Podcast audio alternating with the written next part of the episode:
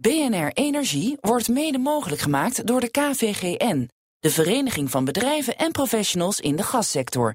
Minder CO2, wij doen mee. Dit is een podcast van BNR Nieuwsradio. Hoe gaan we na 15 maart verder met de energietransitie? Voor het antwoord op die vraag praat ik in de aanloop naar de Tweede Kamerverkiezingen met 10 hoofdrolspelers. Mijn naam is Remco de Boer en mijn gast studeerde lucht- en ruimtevaarttechniek aan de TU Delft en werkte daarna 15 jaar bij de kerncentrale in Borselen. Tegenwoordig is hij als Chief Technical Officer van de Duitse energiereus RWE verantwoordelijk voor alle kolen, gas en kerncentrales van het bedrijf in Europa. En hij is de baas van RWE Nederland. Hoe ziet hij de toekomst van fossiele energie? Is er überhaupt nog wel een toekomst voor? Ik ga het vragen aan Rocher Miesen. Hartelijk welkom. Dank je. Meneer Miesen, um, RWE heeft vorig jaar alle duurzame activiteiten afgesplitst in een nieuw bedrijf, hè? Innogy. U bent nu van fossiel en nucleair. Mocht u niet mee naar de duurzame toekomst of wilde u niet? Uh, voor mij persoonlijk, ik wilde niet mee. Omdat het uh, aan onze kant veel spannender is dan aan de energiekant. Ja, nou, geeft u eens een voorbeeld. Wat maakt het zo spannend? Nou ja, kijk, bij, bij ons is er heel veel druk op de ketel. We staan onder druk, we moeten dingen veranderen, we moeten dingen verbeteren, we moeten naar de toekomst toe. Uh, en ja, die, die sfeer die bevalt me wel. Oké. Okay. Um, um, RWE is gesplitst? Energy RWE. Kunt u even schetsen wat de verhoudingen nu zijn in omvang van die twee bedrijven? Ja, globaal is dat 2 staat tot 1. Dus Energy is 2, RWE 1. Als je kijkt naar het aantal medewerkers, naar omzet, al dat soort uh, getallen, dan is Energy ongeveer twee keer zo groot als uh, RWE. Uh, in Energy zitten de uh, retailbedrijven, de hernieuwbare hoofdzakelijk wind en de netwerken die we hoofdzakelijk in Duitsland hebben.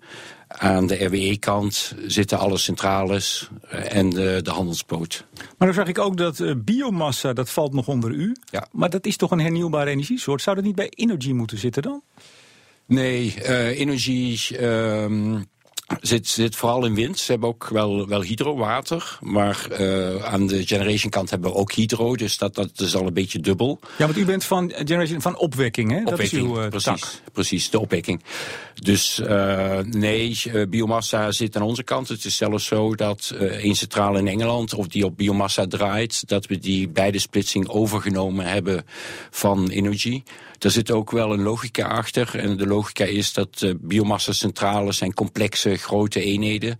En de kennis van het bedrijven van dat soort eenheden zit aan de RW-kant en niet zozeer aan de energiekant. Maar het is wel een hernieuwbare energiesoort. Natuurlijk, vanzelfsprekend. Maar het is ook niet gezegd dat RWE uh, niet uh, voor hernieuwbaar is. Hè. We weten ook dat we richting 2050 gaan. Uh, we weten natuurlijk dat conventioneel langzaam zal afnemen. Maar, uh, en dat, daar, we werken dus ook in die richting. Maar de conventionele eenheden zijn zeker nog 20 of 30 jaar nodig om het energiesysteem stabiel te houden. Waarbij we natuurlijk uh, na vanhand uh, de tijd voort, uh, voortgaat, het gebruik van CO2 zullen afbouwen. U, u noemde net al een aantal energiesoorten, duurzame. Waar ziet u eigenlijk de meeste potentie in? De meeste potentie, zon en wind zullen zeker een, een grote bijdrage leveren. Uh, biomassa, als je kijkt naar de IEA-rapporten, staat dat biomassa ook een belangrijke bijdrage zal moeten leveren. Het kan zijn dat er ook nog andere ontwikkelingen komen. Ja, en, en daar kijken we ja, continu naar. Ook als RWE. Even over uw werk. U hebt een prachtige titel, Chief Technical Officer. Wat doet een Chief Technical Officer precies? Uh, ja, uh, nou, de, ik ben boordlid van RWE Generation. En ik heb daar. Uh, lid van de Raad van Bestuur? Lid van de Raad van Bestuur van RWE Generation. Ik heb daar een paar collega's: een financiële man, een CEO en nog één Chief Technical Officer.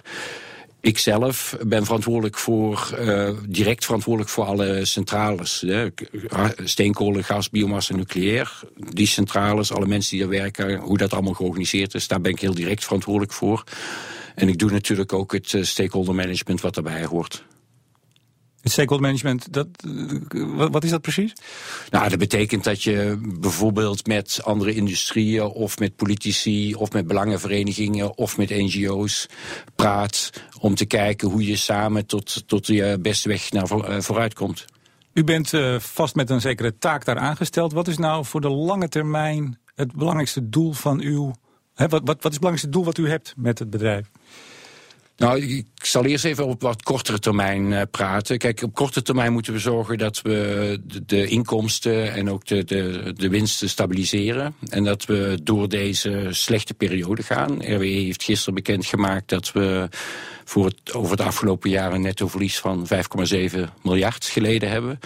Dus we moeten eerst zorgen dat we daar goed uitkomen en dat we weer een weg naar boven vinden. Um, voor de langere termijn zul je zien dat het uh, energiesysteem ingrijpend verandert. Maar dat onze centrales die we nu hebben wel nodig zijn daarin. En daar moeten we ons op voorbereiden. Hebben we het dan over de bekende capaciteitsmarkt, wat ik dan altijd hoor? Daar hebt u het geloof ik over, daar heeft Uniper, uw collega, het ook over. Kunt u eens uitleggen wat dat inhoudt? Nou, een capaciteitsmarkt uh, is een markt waarbij... Uh, de overheid of het netwerkbedrijf betaalt voor het beschikbaar houden van capaciteit. Um, de belangrijkste vraag is natuurlijk waarom is die markt überhaupt nodig? Nou, de reden daarvoor is dat uh, het percentage hernieuwbaar, uh, hernieuwbare productie, elektriciteitsproductie, steeds meer toeneemt en zal blijven toenemen. Um, elektriciteit uit zon en wind uh, kost op zich niks. Hè, want de zon is gratis en de wind is gratis. Dat betekent dat uh, als er zon of wind is, dan zullen, zal die stroom geproduceerd worden. Maar als er geen zon of wind is, zal er ook stroom geproduceerd moeten worden. En daarvoor hebben we nog 20 of 30 jaar de conventionele eenheden nodig.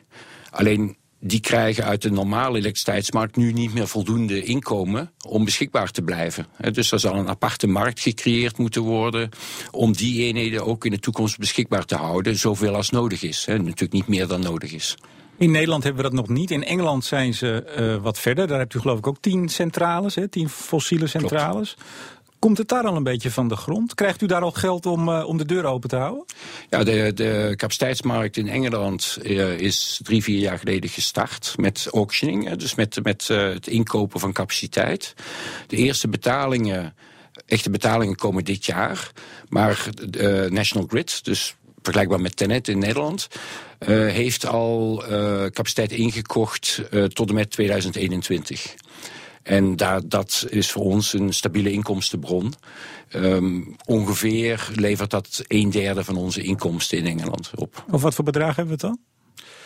Dat gaat over een paar honderd miljoen, uh, 150, 200 miljoen pond per jaar per jaar om. En, want nogmaals, u hebt tien centrales daar. Ik geloof zes gas, twee olie, twee steenkool. Uh, geldt dat dan voor alle tien of een, een paar? Hoe gaat dat? Dat geldt voor allemaal.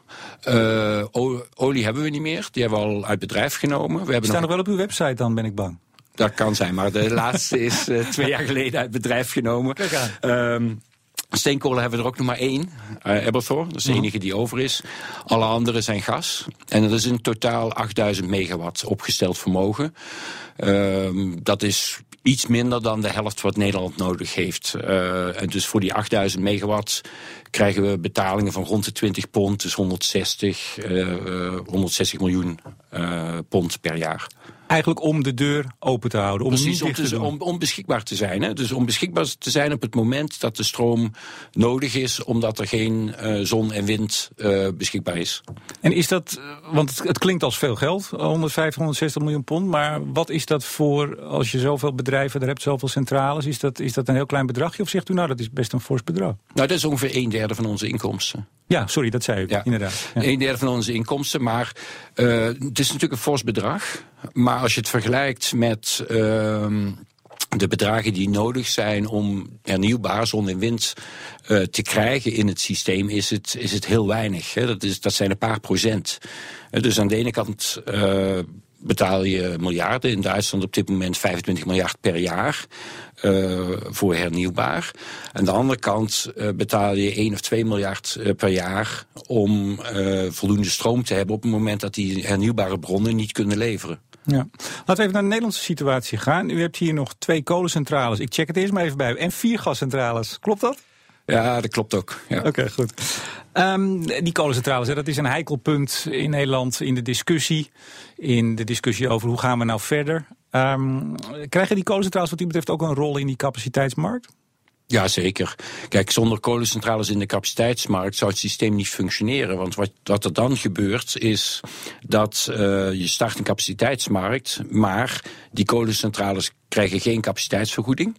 Dat zou dan kun je twee kanten uit. Of uh, je moet extra contracteren. Hè, want als je ze niet betaalt, mag je er ook niet van uitgaan dat ze beschikbaar zijn. Dat kost dan extra geld en zorgt voor een hogere prijs in die capaciteitsmarkt.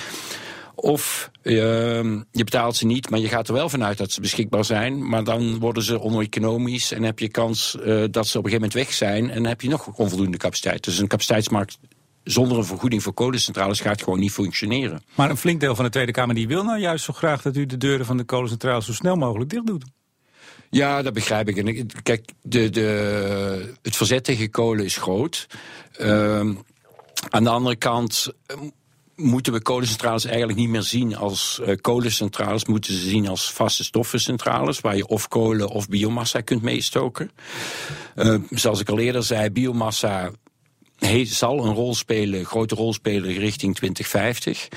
En als we de centrales nu sluiten, hebben we die optie niet meer om deze uh, centrales om te bouwen op biomassa. Als we nu kijken naar onze Amercentrale, dan gaan we al voor 80% biomassa stoken en nog maar 20% kolen. Op het moment dat we zeggen dat type centrales willen we niet meer, ja, dan is die optie ook weg. En biomassa blijft een relatief goedkope optie uh, om te verduurzamen.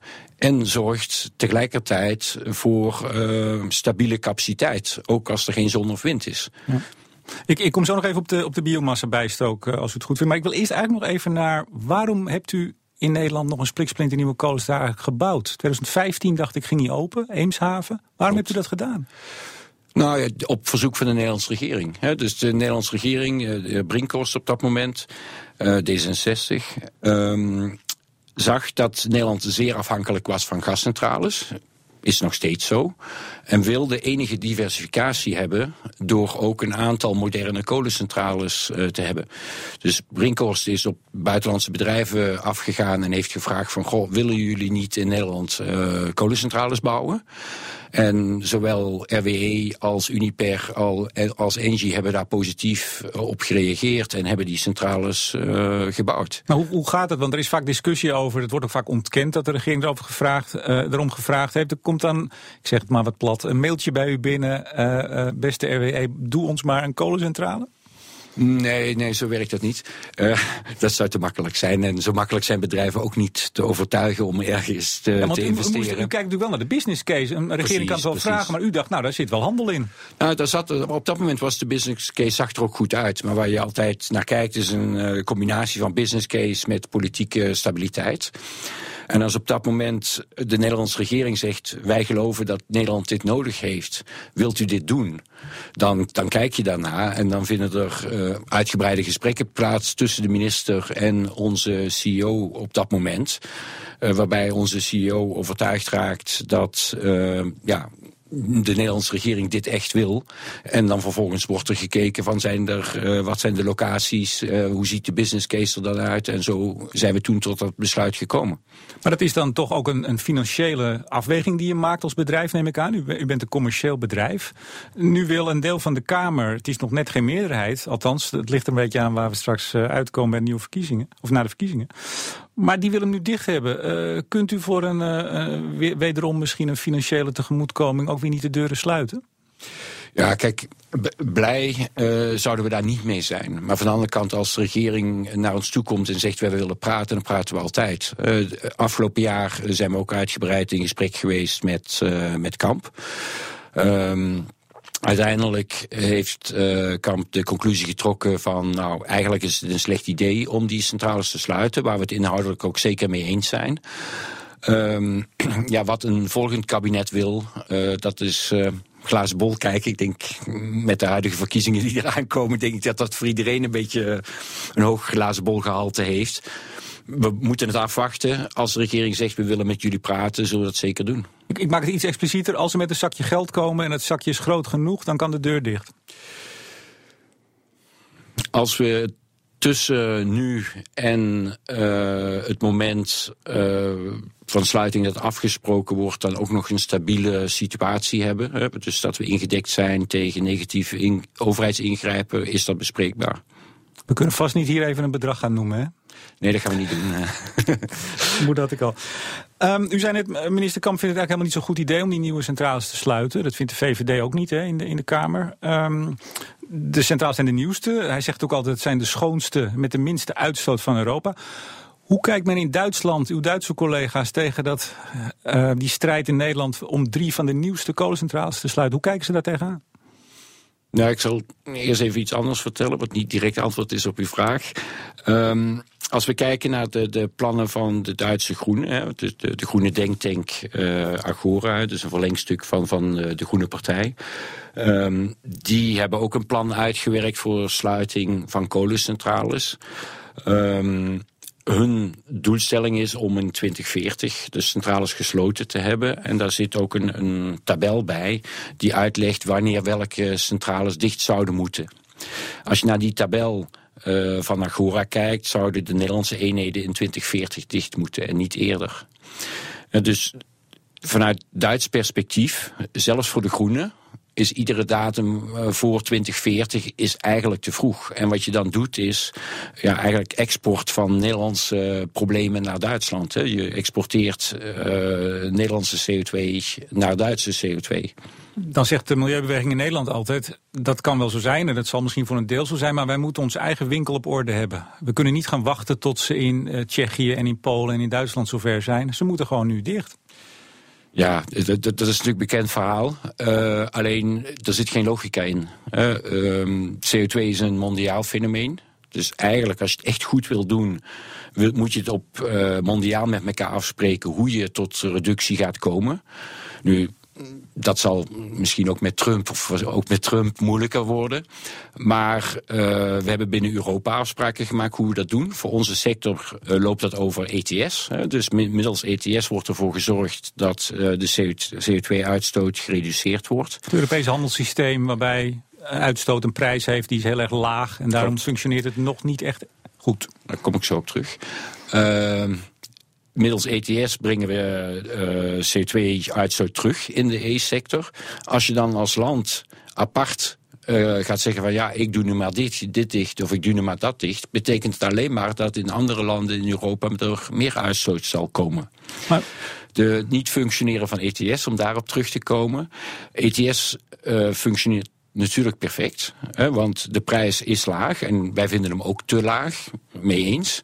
Maar, maar waarom functioneert hij dan perfect? Omdat de reductie die als doelstelling gesteld was uh, voor dit jaar uh, gehaald wordt. Dus we halen de doelstellingen. Uh, als gevolg van het feit dat we die doelstellingen relatief gemakkelijk halen, hebben we een lage prijs de oplossing is dus niet om te zeggen: ETS functioneert niet en ik ga maar allemaal lokale maatregelen nemen die geen effect hebben. De oplossing is om het ETS bij te sturen, dus je doelstellingen te verhogen, waardoor uh, de prijs ook omhoog zal gaan. En die doelstellingen die worden verhoogd. Parijs, klimaatakkoord. Precies. Dat is de, dat is de weg voorwaarts en geen uh, nationale maatregelen. Maar toch even, u bent ook chef uh, gascentrales, ook in Nederland. Uh, u hebt twee kolencentrales, die draaien volop. Uh, hoe staat het met uw gascentrales? Zijn die aan of staan die uit?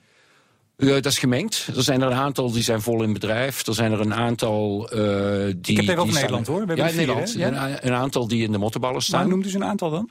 Nou, de grootste eenheid, Klaus, uh, Klaus C. Hm. in uh, Maasbracht. Die staat in de, in de mottenballen, 1300 megawatt. Hè, wat ongeveer 6, 7 procent is van alles wat Nederland nodig heeft. Um, en ja, we wachten op betere tijden voordat we ze weer in bedrijf gaan nemen. De misvatting is een beetje dat uh, gedacht wordt, nou ja, als we kolen sluiten, dan zal gas wel uh, terugkomen. Maar dat, dat zal niet gebeuren. Het enige wat zal gebeuren is dat de in-exportbalans uh, zal veranderen. Maar de, de cashflows, dus de ja, netto-inkomsten van de gascentrales gaan daardoor te weinig omhoog. En zullen ze zullen toch in de mottenballen blijven. Dus als u die twee kolencentrales van u morgen dicht doet, dan gaat Nederland meer stroom importeren en blijft uw gascentrale nog steeds uit? Precies. Gaat u dat aan het hart, zou ik bijna zeggen? Want dat zijn uh, centrales die minder CO2 uitstoten, ongeveer de helft van een kolencentrale. Dit is dus een heel puur geldprijs gedreven systeem.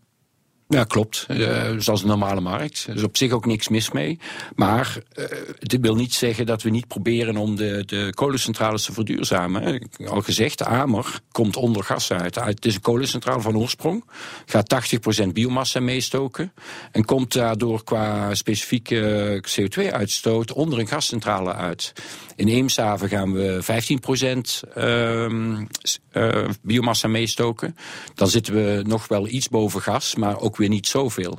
U, u zegt we gaan dat doen. Ik wil het even over de, hem, of de, de, de Amer hebben, uh -huh. Geert Ruidenberg. U zegt 80% gaan we doen. U hebt de subsidiebeschikking binnen. Uh -huh. Ik denk dat u dat bedoelt. Uh, maar gaat u dat ook echt doen? Want de vraag is nog maar, met een nieuw kabinet, of u überhaupt wel open mag blijven. Uh, ja, we gaan dat doen. Uh, bij, ik, het zou mij ten zeerste verbazen als een nieuw kabinet uh, zou willen besluiten om Amer of Geert vervroegd te sluiten. Kijk, zoals gezegd, de specifieke uitstoot zit onder een gascentrale. Als Amer gesloten zou moeten worden, betekent dat uh, dat de CO2-uitstoot in Nederland zal stijgen. Um, het betekent ook dat de duurzaamheidsdoelstellingen niet gehaald gaan worden. Um, ja, het zou mij ten zeerste verbazen als een nieuw kabinet dat zou willen. Vorig jaar was er natuurlijk veel gedoe rondom ook de subsidiebeschikking. In de Kamer bedoel ik dan. Daar werd flink geageerd en nog steeds. Um, ik heb begrepen, maar misschien kunt u dat toelichten... dat minister Kamp die beschikking heeft afgegeven... maar dat u wel hebt moeten aangeven dat mocht u nou toch uh, moeten sluiten door uh, wat voor omstandigheden dan ook. Dat u dan geen uh, beroep kunt doen van ja, kijk eens, ik heb een beschikking en dus uh, moet ik open blijven. Klopt daar iets van? Uh, dat klopt. Uh, buiten dat één detail uh, niet in jouw verhaal zit. En dat detail is dat Kamp gevraagd heeft om te wachten tot 1 januari 2017 met het nemen van investeringsbesluiten. Nou, dat is geweest. Dus voilà. u, u bent, bent, u al, uh, of bent u al uh, biomassa stromen aan het, uh, naar Nederland toe aan het leiden, aan het inkopen, contracten sluiten? Klopt. Contracten, een deel van de contracten zijn al gesloten sinds 1 januari en de investeringsbesluiten zijn ook genomen. Dus als een nieuw kabinet in april, of wanneer ze ook wel aantreden, zeggen die kolencentrales moeten binnen, binnen vier jaar dicht. D66 wil geloof ik 2020, meen ik. Um, dan hebt u een probleem. Of heeft het kabinet dan een probleem? Laat ik er geen commentaar op geven. Hè, dat vind ik nou jammer. Ik denk namelijk dat er dan een probleem is. Ik denk dat ik het net duidelijk genoeg uitgelegd heb. Nou ja, kijk, u had het net in het begin ook over. Uh, u wilt als bedrijf uh, continuïteit. Uh, we hebben voor deze podcast meer ook gebruikers van energie gesproken. Dat is natuurlijk wel een steeds heikeler punt. Mm -hmm. Ja, dat is voor ons sowieso het belangrijkste. Kijk, we hebben, we hebben gewoon duidelijkheid en continuïteit voor de toekomst nodig. Kijk, als wij investeringsbeslissingen nemen. Uh, dan moeten we ervan uit kunnen gaan dat de situatie en uh, vooral de politieke situatie niet twee of vier jaar later weer anders is, waardoor het, het, een verkeerd besluit geweest is. Uh, en dat is ja, de, de moeilijkste, dat zijn voor ons meestal de moeilijkste afwegingen die we, die we moeten maken. Van wat kunnen we politiek verwachten? Mm, aan de andere kant, als we richting 2050 werkelijk 80 tot 95 procent CO2-reductie willen bereiken, dan is um, het ook essentieel dat er uh, een duidelijke manier komt om van hier naar daar te komen, inclusief de bijbehorende stabiliteit. Op het moment dat we die stabiliteit niet kunnen krijgen, gaan we die doelstellingen niet halen. Dus bij wisselende, uh, wisselende doelstellingen, wisselende methodes betekent alleen maar dat het ertoe zal leiden dat de doelstellingen uiteindelijk niet gehaald worden. En kan het er ook toe leiden dat men in Duitsland op een gegeven moment uh, uh, tegen u zegt, of dat u met z'n allen in de Raad van Bestuur besluit, we moeten Nederland maar eens uh, overslaan verder, deuren dicht en wegwezen? Ja, kijk, zo makkelijk is dat niet. En dat is ook niet de, de, de, de sfeer op het moment. Kijk, binnen de, de Raad van Bestuur uh, zien we natuurlijk de ontwikkelingen in alle landen. En um, de discussies in Nederland uh, zijn ook weer niet zo ver weg van de discussies die op dit moment lopen in Duitsland. In Engeland is de situatie een stuk stabieler. Uh, maar in Duitsland gaan de discussies over dezelfde onderwerpen. Dus Nederland is niet beter of slechter. Van de andere kant, we kunnen als persoon of als bedrijf wel weglopen. Maar dat zou ook betekenen dat we de centrales en de medewerkers achterlaten. En dat gaan we niet doen. Hm. Ik wil nog even terug naar biomassa als u het goed vindt. Um, even los van dat het in kolencentrales uh, wordt bijgestookt, dat u dat gaat doen. Um, zie je ook dat er strijd is, verzet is tegen biomassa aan zich mhm. als gebruik. Um, er zouden hele bomen de, de ovens ingaan, hoor ik dan de Partij van de Arbeid altijd roepen. Die op, op schepen hier naartoe worden, worden, gevaren. het zou helemaal niet duurzaam zijn. Uh, wat vindt u daarvan? Hmm. Nou, het hele bomen zijn, dat, dat is sowieso niet zo. Wat, wat hier naartoe gebracht wordt, zijn pellets. Hè, en die zien er vrij gelijkvormig uit. Wat, wat we ook graag zien dat het gelijkvormig is. Die zijn ongeveer centimeter of drie, vier groot. Hele kleine boompjes? Nou, het, het is meestal geperst materiaal. Hè. Dus, uh, geperst, uh, ja, bijvoorbeeld zaagsel, dat dat tot pellets geperst is en dan hier naartoe getransporteerd wordt. De duurzaamheidscriteria in Nederland uh, ja, zijn de strengste van in ieder geval heel Europa en waarschijnlijk ook de hele wereld.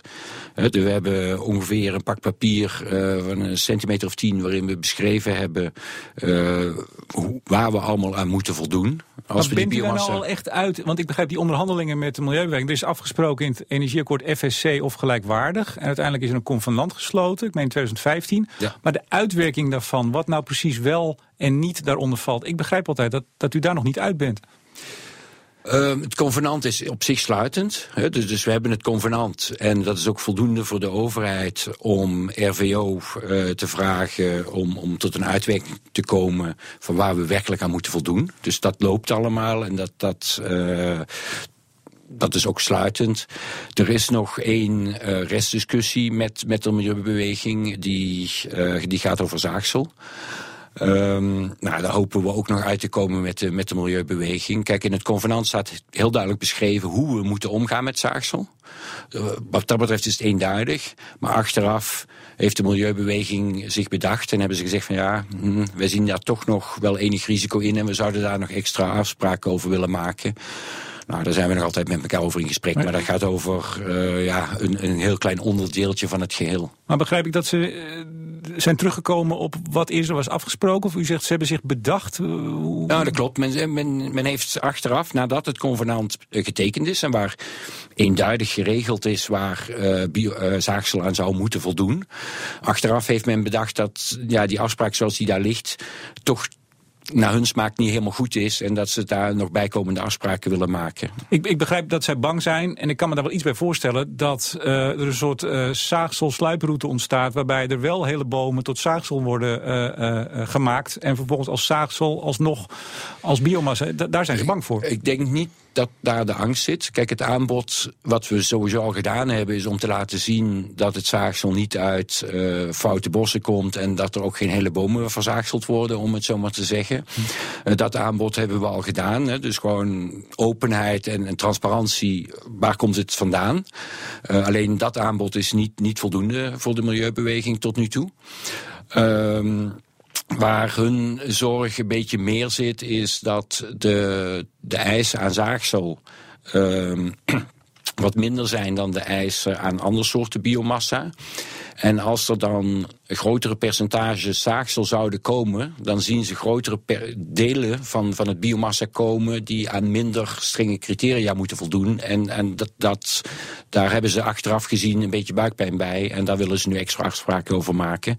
Zoals gezegd, het verzaagselen van hele bomen, daar hebben we al direct aangeboden dat we daar transparantie over wilden verschaffen. Maar dat was niet, uh, niet voldoende.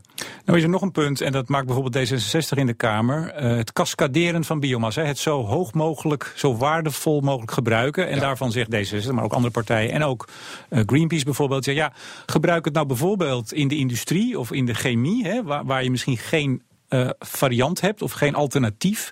Ga er nou geen stroom mee maken. Dat is doodzonde. Wat mhm. vindt u daarvan? Nou, qua principe zijn we het er helemaal mee eens. Um, alleen je zult eerst de biomassa stroom op gang moeten brengen. Dat, dat gaan wij nu doen, hè, met, met toch uh, ja, miljoenen tonnen biomassa die we naar Nederland gaan brengen. Als die stroom dan op gang is, dan kun je die stroom ook makkelijk gebruiken om uh, de inzet van biomassa in de chemie bijvoorbeeld te stimuleren. We hebben een paar weken geleden daarom ook een, of een MOU gesloten met uh, Avantium. Pardon, wat? Een Memorandum of Understanding. Ja. zeg maar een voorovereenkomst, om het zo maar te zeggen. Ja. Met Avantium gesloten om een, een, fabriek te bouwen die biomassa gaat inzetten voor de productie van chemische producten. Ja, dus die bio, bioraffinaderij in Delfzijl. Voilà. Uh, die fabriek zal overigens uiteindelijk weer een restproduct hebben, lignine. En dat restproduct zullen wij dan weer als biomassa verbranden in onze eenheden. En, en dat zal vrij lang zo zijn. Dus ook daar weer uh, ook al gaat het gros van de biomassa naar de chemie, wat een goede zaak zou zijn, daar komen restproducten uit en die zullen ook ingezet moeten worden. En daar zijn onze centrales ook uh, perfect toe in staat. Nou, doet u heel erg veel, dat hoor ik. Maar u doet één ding niet. En dat is CCS, het afvangen en opslaan van CO2. Mhm. Waarom doet u dat niet? Nou, op dit moment doen we het niet omdat het niet rendabel is. Dat is één ding. Uh, we hebben overigens wel een project gehad om in Eemshaven uh, CCS te gaan doen. Alleen dat, uh, dat project is ja, uiteindelijk niet gekozen als project. Het groot project is daarvoor gekozen door de, door de overheden. en het groot project loopt gewoon door van de competitie, zou ik maar zeggen. Het, het project dat is het project in, Rotterdam. in, Rotterdam. om onder de Noordzee voilà. Eh, af te vangen bij uw collega's, zeg maar, CO2 en op te slaan. Maar u zegt, mag ik even terugkomen? U zegt, het is niet rendabel, maar dat kan, dat kan ik me heel goed, heel goed voorstellen. Maar moet dit dan meteen rendabel zijn? We proberen toch allemaal die CO2-uitstoot te verlagen? Dat is niet meteen een sluitende business case, dat kan ik me voorstellen. Nee, dat klopt. Hè. Dus wat je ziet is de, de CCS, eerste CCBS-projecten die er zullen komen... die zullen ook gesubsidieerd worden... om ervoor te zorgen dat het eh, voor de bedrijven in ieder geval geen eh, negatieve post is. Uh, zo moet je dat, die techniek opbouwen. In Amerika zijn er al een aantal CCS-centrales. Um, wij denken dat het er uiteindelijk ook moet komen. Alleen dat komt er op het moment dat de CO2-prijzen zullen gaan stijgen. Uh, zul, je zien dat dat rendabel wordt. Waarbij je onze Eemshavencentrale zou moeten gebruiken voor uh, CCS-afvang die dan onder de Noordzee opgeslagen wordt. Ik denk dat we in Nederland de discussie niet moeten aangaan of we dat uh, onderland moeten opslaan. Dat, uh, ik denk niet dat dat een goede oplossing zou leiden. Maar u, u gebruikt weer het woord, het woord rendabel. Uh, Engie en Uniper, uw collega's of concurrenten, ook met, -hmm. met kolencentrales, die uh, stoppen wel geld in het roadproject. De belastingbetaler stopt er geld in. Dan kunt u toch ook wel wat geld erin stoppen? Nou, we, hebben, of we zijn ook tegelijkertijd gestart met ehm, eh, met Uniper en Engie. Met een eigen project. We hadden een eigen project voor Eemshaven. Alleen het, het project van uh, Engie en Uniper is gekozen voor de subsidies en ons project niet. Nee, maar, maar, u kunt dan toch wel even wat geld overmaken naar de collega's om uh, ook uh, een beetje bij te dragen, of niet? Ja, op die vraag weet je het antwoord zelf, dus dat hoef ik niet te geven. Nou ja, het raakt natuurlijk wel aan, aan de kern dat, zeker vanuit de politiek, uh, de, de roep is om we moeten heel veel gaan veranderen, we moeten heel veel doen. En, en u hebt het uh, als bedrijf heel erg over, uh, is het wel rendabel en kan het wel uit? Nee, heel veel dingen kunnen nog niet uit. Ja, ja goed, maar dan is het rendabel maken ook niet de verantwoordelijkheid van de bedrijven. Dus is dat de verantwoordelijkheid van de overheden of van Europa. Europa subsidieert ook mee in deze. Over iets anders wat uh, niet uit kan. Althans, dat is het verhaal, is kernenergie. Uw oude liefde, mag ik dat zo zeggen? 15 ja, jaar in gewerkt? Ja, en ik ben er nog steeds verantwoordelijk voor. Dus, ik wou uh... net zeggen, eh, is er voor kernenergie nog een toekomst in Noordwest-Europa? In Duitsland gaan de deuren dicht, wij hebben er één. Hoe, hoe ziet u dat? In, in Duitsland zeker niet. Uh, in Engeland uh, worden kerncentrales gebouwd. En uh, die krijgen dan ook uh, contracten voor, voor lange termijn. Om, om te zorgen dat met behulp van de kerncentrales CO2-vrije stroom geproduceerd wordt. Nu, binnen Europa is het nog altijd een nationale verantwoordelijkheid om te bepalen wat de energiemix is.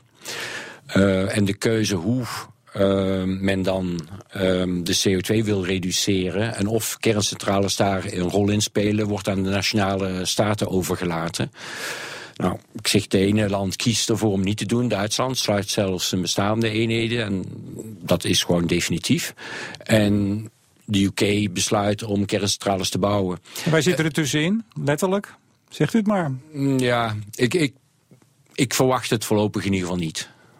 Maar het, het, vorige kabinet, Rutte 1, VVD, CDA, dat had in, de, in het programma staan meer kernenergie. Dus dat is nog niet zo heel lang geleden. Dat klopt.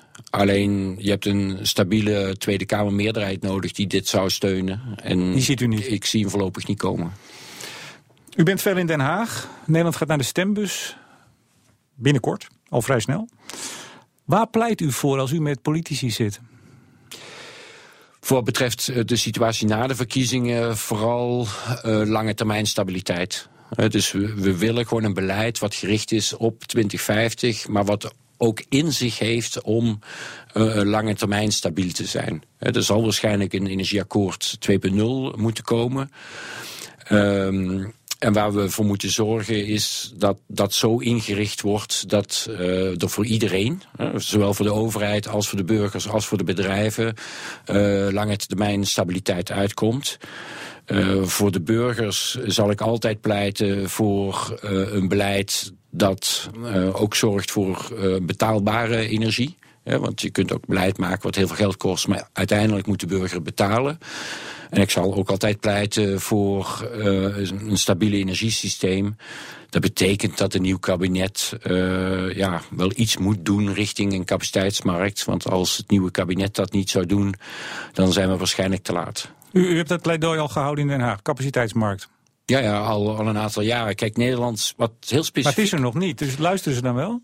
Jawel, men, men luistert wel. Alleen uh, om iets op de politieke agenda te nemen kost tijd. Um, Kijk, het positieve aan voor Nederland is, we hebben heel veel gasvermogen in Nederland. Um, we hebben ook genoeg centrales. Als Nederland het goed doet, hoeven er nooit meer klassieke eenheden bijgebouwd te worden. Wat zijn, klassie, wat zijn klassieke eenheden? Gewoon uh, kolen- of gascentrales. Kijk, kolen zal sowieso niet meer gebouwd worden, dat is duidelijk. Maar zelfs, we hoeven zelfs geen extra gascentrales te bouwen. We moeten alleen zorgen dat ze die centrales niet, uh, ik zal maar zeggen, in de vuil, vuilnisbak gegooid worden. Uh, terwijl ze eigenlijk wel nog nodig zijn voor de stabiliteit van het systeem. En dat betekent dat de overheid op tijd uh, stappen moet zetten richting een capaciteitsmarkt. Um, kijk, als de overheid dat niet doet, is voor ons als bedrijf geen probleem. Maar het betekent wel dat je je voorzieningszekerheid in gevaar brengt. En dat betekent ook dat, uh, ja, dan, dat je dan hogere prijzen zult krijgen. Maar hogere prijzen aan de ene kant. En aan de andere kant uh, minder leveringszekerheid. En dat is geen verstandige keuze. U hebt het over continuïteit en ook de zekerheid. Politieke zekerheid dat ook gedaan wordt wat wordt afgesproken. Nou hebben we sinds energie, Energieakkoord 1.0, uh, waar we nu in zitten... Ja. hebben we toch gezien dat dat flink onder vuur is genomen in de Kamer. Dankzij minister Kamp, denk ik, is dat overeind gebleven. Uh, daar krijgt hij ook de credits voor, ook van de oppositie. Hoe ziet u wat dat betreft de toekomst tegemoet? Hij neemt afscheid. Ja, ik, laat ik bevestigen dat, dat Kamp heeft gewoon gedaan wat er afgesproken is. En dat is ook de enige manier om in, in ja, wat dit betreft iets te bereiken. Kijk, Nederland hinkt nog redelijk achterop qua uh, verduurzaming.